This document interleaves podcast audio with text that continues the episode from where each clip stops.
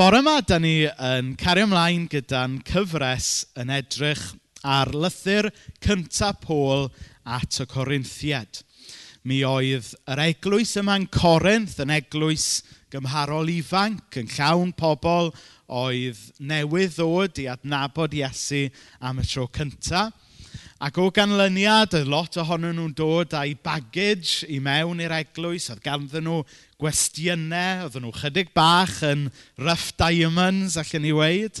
Um, ac o'n nhw yn y broses o wir ddirnad beth oedd Iesu wedi gwneud drostyn nhw a deall gyda'r weiniad yr ysbryd glân sut oedd byw allan y ffydd newydd yma oedd gyda nhw. A gobeithio dros y misoedd diwetha a'r misoedd i ddod, newn ni hefyd weld beth sydd gan Dduw ddysgu i ni o'r llythyr yma. Oherwydd er mai llythyr oedd e yn wreiddiol i grisnogion penodol mewn lle penodol ar amser penodol, da ni hefyd yn credu fod y Beibl yn air Dyw i ni heddiw. Felly wrth i ni fynd ymlaen bore yma fel, fel pob sesiwn arall i ni wedi cael yn y llythyr yma, Dwi jyst yn gwahodd ni gyd i fod yn gored i Dduw siarad efo ni. Pob un ohono ni yn bersonol bore yma o'i air. Y slogan i ni wedi bod yn rhoi yw sgwennwyd y llythyr i ni, ond ddim ato ni. So er mwyn deall be mae Dyw yn dweud wrthyn ni heddiw, mae rhaid ni ddeall rhywfaint o'r cyd-destun ar y pryd. Nawr, um, recap sydyn o beth wnaethon ni edrych arno, pethefnos yn ôl um, o'n i yn penod naw, ac ar ddechrau penod naw, mae, mae, mae Paul yn, yn ateb y cwestiwn, ateb y cyhyddiad o bosib, a oedd e mewn gwirionedd yn gynrychiolydd i Iesu Grist, a oedd e'n apostol i Iesu. Ac sail Paul o ddweud bod e yn gynrychiolwr, yn apostol i Iesu Grist, oedd bod e wedi gweld Iesu. A wnaethon ni feddwl trwy y cwestiwn yma. Pwy yw cynrychiolwyr Iesu Grist? Achos mae e'n gwestiwn cyfoes yn dydy. Mae'n byd ni heddiw yn llawn pobl amrywiol sy'n honni bod nhw'n gynrychiolwyr Iesu Grist, o, o bobl eithafol ar y dde falle, fel y lluniau na fyny fyna, o bobl sy'n dweud bod nhw'n dilyn Iesu ond yn byw ffordd arall. Mae e'n gwestiwn pwysig yn dydy, ni fel amdano pwy yw cynrychiolwyr Iesu Grist heddiw. Ac un ffordd o'i ateb e yw yr un ffordd ynath Pôl, sef pobl sydd wedi gweld Iesu. Nawr wrth gwrs, dyda ni ddim yn llythrenol falle yn gweld Iesu fel oedd yr apostolion cyntaf wedi gwneud, ond drwy lygaid ffydd, drwy, drwy ddarllen yr efengylau, da ni yn cael gweld Iesu yn dydyn. Da ni'n gallu gweld Iesu am bwy oedd e. Da ni'n gallu gweld y Dyw yn dod yn ddyn. Da ni'n gallu gweld Dyw yn marw ar y groes drosta ni cynrychiolwyr Iesu heddi ydy bod sydd wedi gweld hynna. Bobl sydd wedi gweld Iesu am bwy yw e. So dyna wnaethon ni um, edrych arno pethefnos yn ôl. A da ni'n mynd mlaen bore yma um, i edrych yn bellach ym mhenod naw. Ac dwi ddim mynd i ddarllen y benod i gyd, ond darllenwch e ar ôl mynd adre, achos mae e'n benod eitha cymleth. Um, a mae Paul yn trafod i hawliau fe e fel apostol a mae fe'n defnyddio pob math o ddelweddau o um, gyd-destun arall i wneud i bwynt. Ond yn y bôn, be mae Paul yn trafod yn yr adnodau sydd gyda ni bore yma, yw y, y cyfrifoldeb ar ddilynwyr Iesu gynnal gwaith yr eglwys, a mae e'n trafod hefyd a ddyle Paul, um, a gweithwyr yr eglwys trwy'r canrifoedd gan fy nghynnwys i gael eu cynnal gan yr eglwys i wneud y gwaith a'r weinidogaeth yna. Dyma pam dwi'n meddwl bod wneud cyfres trwy rannau o'r Beibl yn bwysig, achos mae'n fforsio chi i edrych ar ddarnau fel hyn ar gair. Oherwydd, a fydden ni yn dewis pregethu ar hwn, Siwr o fod ddim, achos bod fi'n awyr iawn, fel un sy'n cael fy nghynnal gan yr eglwys, bod gyda fi vested interest. Chi chi deall beth sy'n gyda fi? Mae, mae e fel yr hen beth o Twrci yn pleidleisio dros Nadolig. Wrth gwrs bod fi mynd i ddweud y dyle'r eglwys gyda'r gweithwyr. Ond, wrth gwrs, mantais gwneud cyfresu trwy'r Beibl yw pa mae'r testyn yma'n dod lan, mae e i ni wedyn yn gallu i trafod nhw. Yr darn o'r gair dwi am i ni ddarllen bore yma ydy 1 Corinthiad 9, adnod 13 i 18. Ond darllenwch y benod i gyd ar ôl chi fynd adre. Ydych chi ddim yn deall fod y rhai sy'n gweithio yn y deml yn cael eu bwyd yn y deml, a rhai sy'n gwasanaethu wrth yr achor yn cael cyfran o beth sy'n cael ei offrymu ar yr achor. Yn union yr un fath, mae'r arglwydd wedi gorchymyn fod y rhai sy'n cyhoeddi'r newyddion da i gael ennill bywoliaeth drwy'r newyddion da. Ond dwi fy hun ddim wedi manteisio ar fy hawliau o gwbl, a dwi ddim yn ysgrifennu hyn yn y gobaith o gael rhywbeth chwaith. Byddai'n well gen i farw na bod rhywun yn cymryd sail fy ymffrost oddi arna i dydy hyd yn oed y ffaith y mod i'n cyhoeddi'r newyddion da ddim yn rhoi sail i mi frolio. Does gen i ddim dewis. Mae'n rhaid i mi gyhoeddi'r neges. Allwn ni ddim dioddau peidio cael cyhoeddi'r newyddion da. Pe tawn ni'n cyhoeddi'r neges am fy mod i'n dewis gwneud hynny, gallwn ni dderbyn gwobr. Ond ddim felly mae hi. Y cwbl dwi'n ei wneud ydy cyflawni'r dasg sydd wedi cael ei rhoi i mi – Felly, beth ydy'r wobr i mi? Hyn yn syml. Fy mod yn cyhoeddi'r newyddion da i bobl yn rhad ac am ddim, heb fanteisio ar fy hawliau fel pregethwr. Felly'r pwnc i ni'n mynd i drafod bore yma o'r gair ydy y cwestiwn yma o roi i, i waith yr eglwys, i, i gynnal gwaith teirnas dew. A mae e yn bwnc sensitif um, dwi'n meddwl. Mae, uh, dyw e ddim yn bwnc i ni'n trafod yn aml. A mae e'n bwnc sensitif oherwydd bod Cresnogion ac eglwysi uh, yma yng Nghymru a tu hwnt a trwy'r canrifoedd wedi delio gyda'r pwnc weithiau yn y ffordd anghywir ac yn aml mewn ffordd ansensitif. Mae gyda ni wrth gwrs yng Nghymru um, fwgan mawr y degwm yn does yn rhan o'n hanes ni a'r hen hanes oedd yna o orfodi pobl i roed, i ddegymu, i gynnal gwaith eglwys, doedd rhan fwyaf werin Cymru ddim yn rhan ohono fe. A wedyn mae'r mae bwgan yna yn rhan o gof yn cenedl ni, ydy. A fi dwi'n meddwl bod hwnna'n un o'r rhesymau pam yn bod ni fel Cymru falle yn ofn trafod rhoi yn, yn eglwysu. Wedyn, mae rhywun wedyn yn clywed falle am rai gweinidogion yng Nghymru hyd yn oed heddiw sydd ddim yn cael eu cynnal yn y ffordd anrhydeddus. Ydych chi'n clywed am eglwysi sy'n dweud, wel, hynny yw, mae, mae rhannu'r newyddion da'n ddigon o anrhydedd, ddylen nhw fod yn hapus gyda hynna. Ond mae'n bwysig i'r eglwys fod yn anrhydeddus hefyd, yn dydy. Ac wrth gwrs, dwi yn ffodus iawn o gael eich cynhaliaeth chi, ond nid felly mai ym hobman.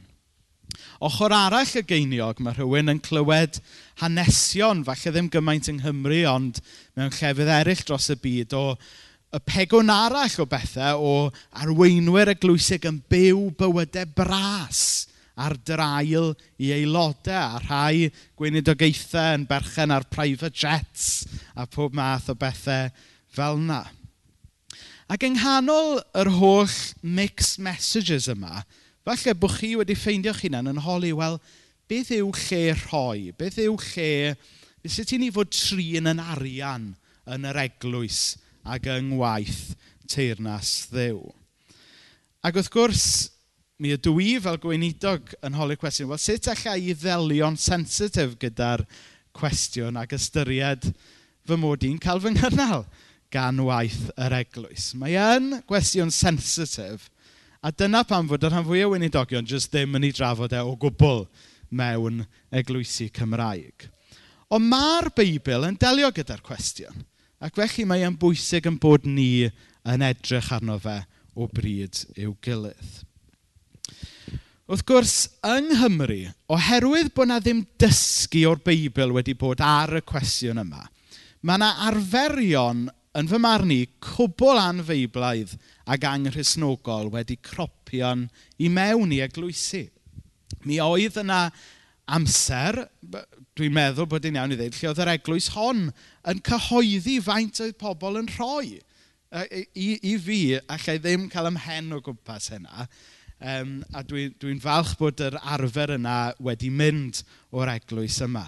Hynny yw, dylen ni roed yn y dirgel yn dylan wedyn ar y llaw arall, mae, mae, mae rhywun yn clywed bod yna rai eglwysi a polisi fod rhaid i bawb roi yr un peth.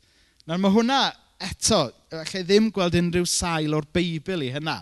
Oherwydd, os chi gofyn i bawb roi'r un peth, i rywun cyfoethog yn y gynulleidfa, dydy hwnna ddim byd. Ond falle i rywun o gefndir fwy tlawd, falle bod hwnna'n aberth mawr.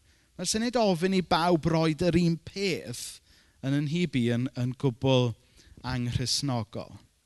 Ac, ac oherwydd yr holl, oherwydd y foed yma o ddysgu ar y pwnc, mae wedyn rhoi gofod i syniadau anghrisnogol ac anfeiblaidd yn fy marn i ddod i fewn i'r eglwys. Nawr, chydig bach o, um, o ddiwynyddiaeth, chydig bach o gemder i'r peth i ddechrau. Nawr, mae'n bwysig wrth i ni drafod troi bod ni'n gweld y darlun mawr. Oherwydd cwestiwn ysbrydol yw e i'r Cristion beth i ni'n neud gyda'n arian. Da ni'n licio dydyn roi yn bywydau mewn compartments yn dydyn. Pethau ysbrydol fyna, pethau ymarferol fyna. Ond fe ddylai'r Cristion fynd at bob cwestiwn o safbwynt ysbrydol. Oherwydd, mae'n rhoi ni yn weithred o addoliad. Dydyn ni ddim yn rhoi i waith Dyw er mwyn cael rhywbeth yn ôl gan Ddyw. Da ni'n rhoi achos bydd Dyw eisoes wedi rhoi i gariad i ni. A mae hwnna mor bwysig i gofio yn dydy. Nid rhywbeth da ni'n gallu prynu gyda'n arian yw cariad a gras Dyw. Dydy'r dydy Cresnogaeth ddim fel rhyw fath o slot machine, bod ni'n rhoi campent i mewn a cael cant diwrnod o ras Dyw yn ôl. Dim fel na mae'n gweithio. Mae Dyw wedi tywach di ras a'i gariad arna ni, heb unrhyw strings yn attached. A lle mae rhoi wedyn yn ffitio mewn i'r darlun, yw da ni'n rhoi fel ffordd o addoli Dyw am ei gariad ac am ei ras ac am ei hilion ni. A mae mor bwysig bod ni yn cofio hynny. Mae mor bwysig bod ni'n deall lle rhoi yn y darlun mawr. Da ni ddim yn rhoi y mwyn trio ennill ffafr Dyw, da ni'n rhoi fel ffordd o addoli y Dyw sy'n eisoes wedi dangos ei hilioni i ni. A mae'n bwysig bod ni yn, yn deall hynny. Ond mae dal yn gadael ni gyda'r cwestiwn ymarferol o sut ddylen ni roi. Wrth i fi drafod sut y dylen ni roi, dwi, dwi eisiau just roi disclaimer bach allan yna, yn ymwybodol bod yna ymwelwyr yma bore yma. Mewn ffordd, mae'r rhan yma o'r neges i bobl sy'n cyfru Caersalem fel i heglwys. Os ydych chi yma bore yma, jyst yn gwrando, jyst â chwilfrydedd, yna, da ni ddim eisiau charian. nid, nid yna yw, yw y pwynt yma bore yma. Ond os ydych chi yn ystyried Cersalem fel eich eglwys leol, yna dyma rhoi i Gersalem ydy un o'r ffyrdd, sylwch un o'r ffyrdd, falle bod Dyw yn eich cymell chi i i'w addoli fe. Nawr, yma yng Nghersalem, does dim polisi gyda ni bod ni'n disgwyl i bawb roi hyn a hyn. Oherwydd dydy'r... Dwi ddim yn meddwl bod y Beibl yn hollol ddi a gwyn ynglyn â faint dylen ni roi. Ond eto mae'r Beibl yn gosod rhyw gan llawiau, rhai egwyddorion allan yna.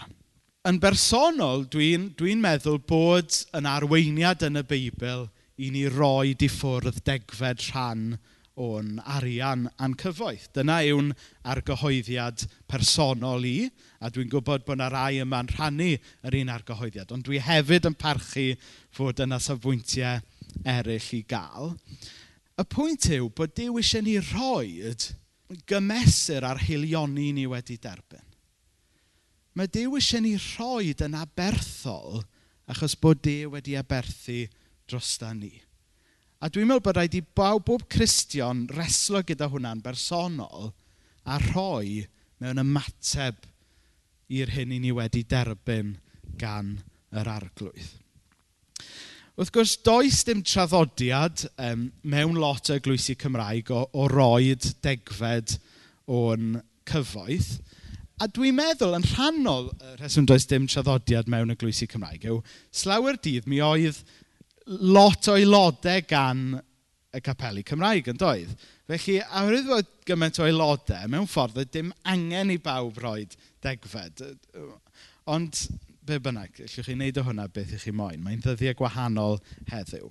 Ges i yn fagu yn Aberystwyth mewn eglwys, um, lle oedd yr egwyddor yma o roi degfed rhan yn bwysig. Ac o'n i'n darllen llyfr wrth baratoi, ac oedd y llyfr yn gwneud y pwynt mewn ffordd, dyle eglwys o ddeg aelod sy'n rhoed yn llawen allu cynnal gweithiwr ar average wage y deg aelod yna.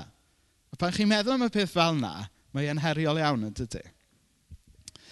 So, so dyna ni. Mae, ma yna, allwch chi weddio am y peth a chwilio'r gair. A, a dwi'n ymwybodol o edrych ar y droddiad y capel. Dwi'n gwybod bod chi yn eglwys sydd yn rhoi. A dwi'n gwybod mod i yn preach to the converted fan hyn. Ond mae yn bwysig ydy bod ni'n edrych beth yw'r egwyddorion beiblaidd ynglyn â rhoi. Nawr, ochr arall y geiniog ynglyn â rhoi ydy'r cwestiwn cysylltiedig â hynna yw be mae'n rhoi ni yn mynd i'w gynnal. A ddyle gweithwyr yr eglwys fel fi ddisgwyl cael yn cynnal gan yr eglwys. Wel, y beth cyntaf i nodi yw pan dyn ni'n rhoi i waith yr eglwys, nid rhoi i gynnal gweinidog ydych chi. dyn ni'n rhoi i gynnal gweinidogaeth eglwys Iesu Grist. Wrth gwrs, yn ôl eich doeth uneb chi, da chi yn penderfynu bod rhan o hwnna yn mynd i gynnal gweinidog. Ond dwi'n meddwl bod angen i ni dorri allan o'r mold dyma o feddwl bod yn rhoed ni dim ond yn mynd i dal i cyflog i rhywun.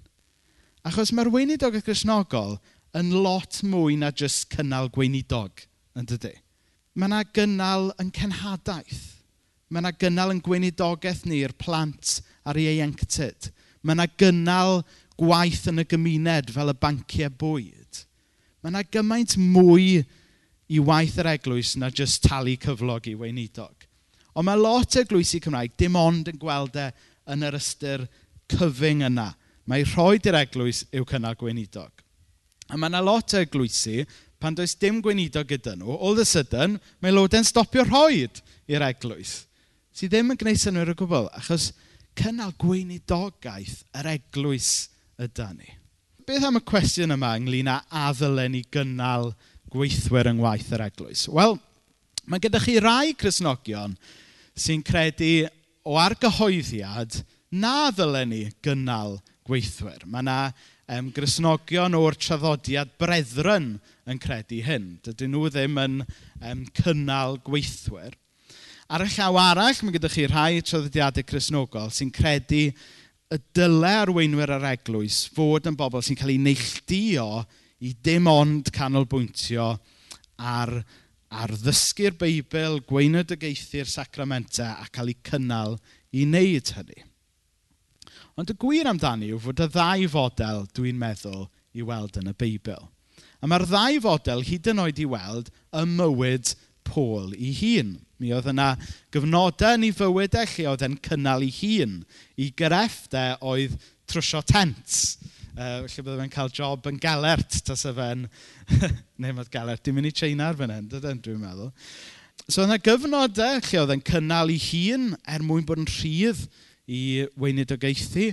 Ond oedd yna gyfnodau hefyd, mae'n amlwg fod yr eglwysi oedd e'n ymweld â nhw yn ei gynnal e does dim amser gyda fi, Grisnogion, sy'n dadlen galed naill ffordd neu'r llall. Y gwir amdani yw fod y ddau fodel i weld yn y Beibl. Nawr, dwi'n meddwl, y pwynt ydy, dyle pobl sy'n cael ei galw um, i bregethu'r gair ac i wasanaethu'n yr eglwys, dyle ni ddim disgwyl cael yn cynnal, oherwydd nid mercenaries i ni. Dwi'n gobeithio hyd yn oed tas y fi ddim yn cael yng nghynnal i bregethu gair dew, dwi'n gobeithio byswn i dal yn gwneud oherwydd mae dyna yw galwad dew ar y mywyd i. Ond yn yr un ffordd y dyle gweithwyr yn yr eglwys ddim disgwyl cael ei cynnal, dyle'r eglwys chwaith ddim disgwyl bod gweithwyr yr eglwys jyst mynd i allu sort o popeth allan i hunain. Mae e'n gweithio ddau ffordd yn dydy, a dwi'n meddwl bod y, y Beibl yn dysgu hynna. Nawr, dwi wedi bod bach yn ymarferol bore yma, do, a trafod arian a troed a pethau. Dwi'n gweld chi'n edrych bach yn anghyfforddus. Ond mae'n bwysig bod ni'n reslo gyda be mae'r Beibl yn dweud ynglyn â'r cwestiynau yma, dydy. Chos da ni yn y busnes o waith teirnas Dyw. Da ni mewn gwlad lle dydy pobl ddim yn adnabod Iesu.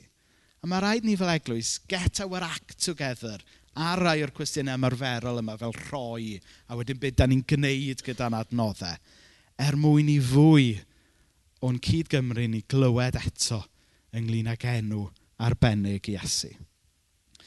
Ac wrth drafod pethau ymarferol fel rhoi a beth da ni'n gwneud fel eglwys gyda'n arian, Mae'n hawdd i ni gochi persbectif a mae'n hawdd i'r drafodaeth fynd yn anysbrydol. Mae'r ambell i gwrdd eglwys ddim yma, ond mae ambell i gwrdd eglwys y pethau lleia ysbrydol dwi erioed wedi bod yn ddo fe. Ond mae'n bwysig bod ni'n gweld y cwestiynau yma i gyd yn ei cyd-destun iawn, yn ei cyd-destun ysbrydol. A dwi eisiau atgoffa ni gyd ar y diwedd fel hyn. Beth yw lle rhoi yn yn Cresnogaeth? Dwi eisiau pawb glywed bore yma, dydy Dyw ddim eisiau yn pres ni. Mae Dyw eisiau yn calon ni. Dyna yw'r dyna yw efengil grisnogol, oce? Okay? Dydy Dyw ddim o'r rheidrwydd eisiau deg y cant o dy incwm di. Mae eisiau cant y cant o dy gariad di. Mae Iesu wedi talu yn llawn am y myddeiant mae'n rhoi i ti dros y groes.